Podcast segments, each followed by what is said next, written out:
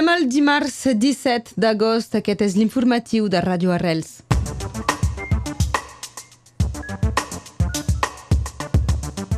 Ahir va inaugurar-se la 53a edició de l'Universitat Catalana d'Estiu a Prada. Durarà fins diumenge.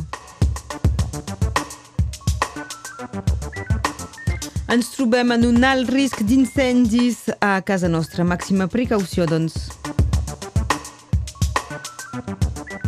L'USAP fitxa un joker mèdic mentre que un dels cracs dels dracs catalans anuncia que es retirarà a finals de temporada.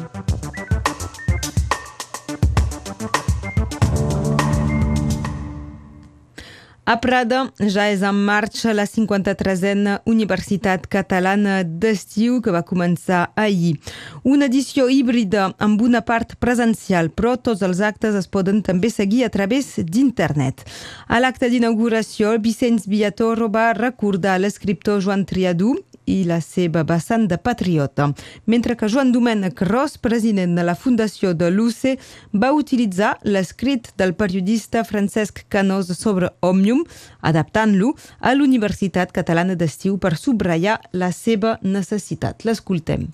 L'UCE no hauria d'existir perquè llavors voldria dir que trobar-se per ensenyar, aprendre, debatre, gaudir en totes les variants del català seria una cosa normal que no caldria concentrar en una setmana tot allò que ofereix el programa d'aquesta UCE, perquè ho podríem desenvolupar al llarg de tot l'any, en tots els racons dels països catalans. Però fins que això arribi, benvinguda sigui l'UCE i tots ens esforçarem per fer que cada edició sigui atractiva, ofereixi els darrers coneixements, critiqui les darreres actuacions dels nostres electes, contribueixi a fer de la pàtria sencera un país millor, avançat en tots els àmbits europeu, mediterrani i universal. I ho farem passant a les noves generacions la torxa que rebérem dels que ens precediren. Jo ho he fet també la torxa de president de l'equip rector fa uns anys, enguany la torxa de president de l'Institut d'Estudis Catalans. I els que han agafat el relleu tenen i tindran per l'UCE el mateix interès i el mateix amor que els de les generacions actuals i les anteriors, fins que no ens calgui fer cada, cada agost l'UCE. Visca Universitat Catalana d'Estiu, visca els països catalans. Eren les paraules de Joan Domènec Carròs, president de la Fundació de l'UCE en l'inauguració d'aquesta 53a eh, edició ahir a Prada. Avui mateix, a l'acte central del migdia, hi ha un debat sobre la llei MOLAC i l'encaix de l'ensenyament de les llengües dites regionals dins de la Constitució francesa. Hi participen el diputat Paul Molac, el representant de l'escalandreta Joan Francesc Albert, el president de la PLEC i director de l'Institut Franco-Català Transfronterer a la Bailac Ferrer, els diputats missionats sobre les llengües pel ministre Castex, el Christophe Zé i eh, Yannick Kerlogo, Helena Gual, directora de l'escola Arrels Bernet, i amb la moderació del Joan Becat de l'Institut d'Estudis Catalans. D'altra banda, uns gendarmes es van informar eh, a prop de l'organització de l'UC per saber si l'expresident de la Generalitat i actual eurodiputat Carles Puigdemont hi participaria. Segons el seu advocat González Boye, eh, ha volgut aclarir que no s'ha reactivat cap ordre de detenció i assegura que els agents ho volien saber per si s'havien d'activar protocols de seguretat. Avui el vent bufa relativament fort i combinat a les altes temperatures i la sequera acumulada és el risc d'incendi que és molt important. Es recorda que queda totalment prohibit d'encendre foc fora dels espais adaptats. Ahir encara es van assenyalar diversos inicis d'incendis, per exemple a Argelers de la Marrenda o encara a Sant Feliu damunt, que van ser ràpidament apagats pels bombers. Ahir al matí, l'autopista P7, al nivell de Guyana, molt a prop de la frontera, va ser tallada durant 3 hores a la circulació en sentit nord a conseqüència d'un accident que va fer una persona morta i una de ferida greu que va haver de ser traslladada a l'Hospital de Girona. La nit terça a la plaça Cassanyes de les 8 del vespre fins a les 5 del matí. Allà al vespre les forces de l'ordre van començar per fer pedagogia i van acabar sancionant els vehicles que encara no havien sortit de la plaça. El nombre d'hospitalitzats amb Covid segueix estable però elevat amb 136 pacients a Perpinyà, dels quals 24 es troben al servei de reanimació. Es compten també dues defuncions suplementàries amb Covid-19 en les darreres 24 hores. El pas sanitari és obligatori, recordem, per accedir en espais de cultura, però també bars i restaurants.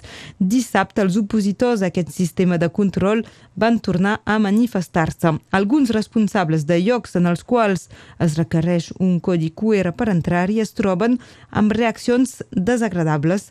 És el cas del Raf Dumas, gerent de Pirineu i del bar El Tet. L'escoltem. Només són dificultats, és a dir, que és força complicat de, demanar a la gent de, de, de fer la mostra del pas sanitari. Eh, la majoria no volen. La majoria es posen en contra de tot això. Eh, depèn de les persones, algunes de bones maneres i d'altres supermalament. Uh, hi ha molt gent malparits, eh, cal saber això. Nosaltres només hem de, de, de seguir la, la legislació. Tot el que puc dir és que, per exemple, al TET, on vam, vam començar el pas uh, dilluns passat, fins al pas la terrassa era sempre plena i uh, des de dilluns uh, el màxim ha sigut mig terrassa. El problema també és que nosaltres hem de demanar el pas però molt a prop del TET. Hi ha el TET en fet, que és aquest festival d'estiu de l'Ajuntament de Perpinyà, i allà no es, no es mana el pas, doncs hi ha una mena de desequilibri a la passarel·la, al passeig mateix. Eren les paraules de Raf Dumas, recordem que és gerent de l'Espai de Cultura Pirineu i del bar El Tet. Haití, després del terratrèmol de 7,2 graus a l'escala de Richter, que va tenir lloc dissabte, l'últim balanç oficial és de 1.297 morts i prop de 3.000 ferits. Els equips de rescat busquen contra rellotges supervivents sota la runa, mentre que comença a arribar l'ajut internacional. També hi ha nombrosos desapareguts. El terratrèmol ha ensorrat hotels, hospitals, esglésies i escoles i es fa difícil encara de quantificar tots els danys. Passem als esports. En rugby a 13, l'australià de 35 anys, James Maloney, ha anunciat la seva voluntat de retirar-se del rugby d'alt nivell a finals d'aquesta segona temporada que està jugant amb els dracs catalans. I en rugby a 15 és l'USAP que acaba d'anunciar el fitxatge d'un joker mèdic per pal·liar les moltes ferides dels seus jugadors de primera línia. Es tracta de Conor Carey, un pila irlandès de quasi 30 anys.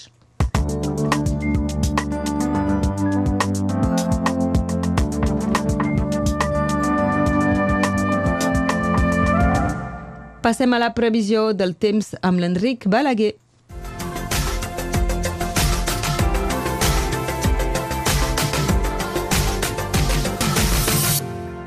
És la tramuntana que desplaça la massa d'aire molt càlid cap al sud, mentre estem encara protegit per un anticicló amb centre al golf de Gasconya que ens dona un cel serrer. Tenim darrere nostre l'episodi canicular i les nits tropicals. La temperatura baixa, però la tramuntana augmenta a les parts orientals del territori amb cop forts cap als 65 km per hora. Cap a Cerdanya i Capcí la direcció del vent és una mica diferent, però sempre entre nord i nord-est.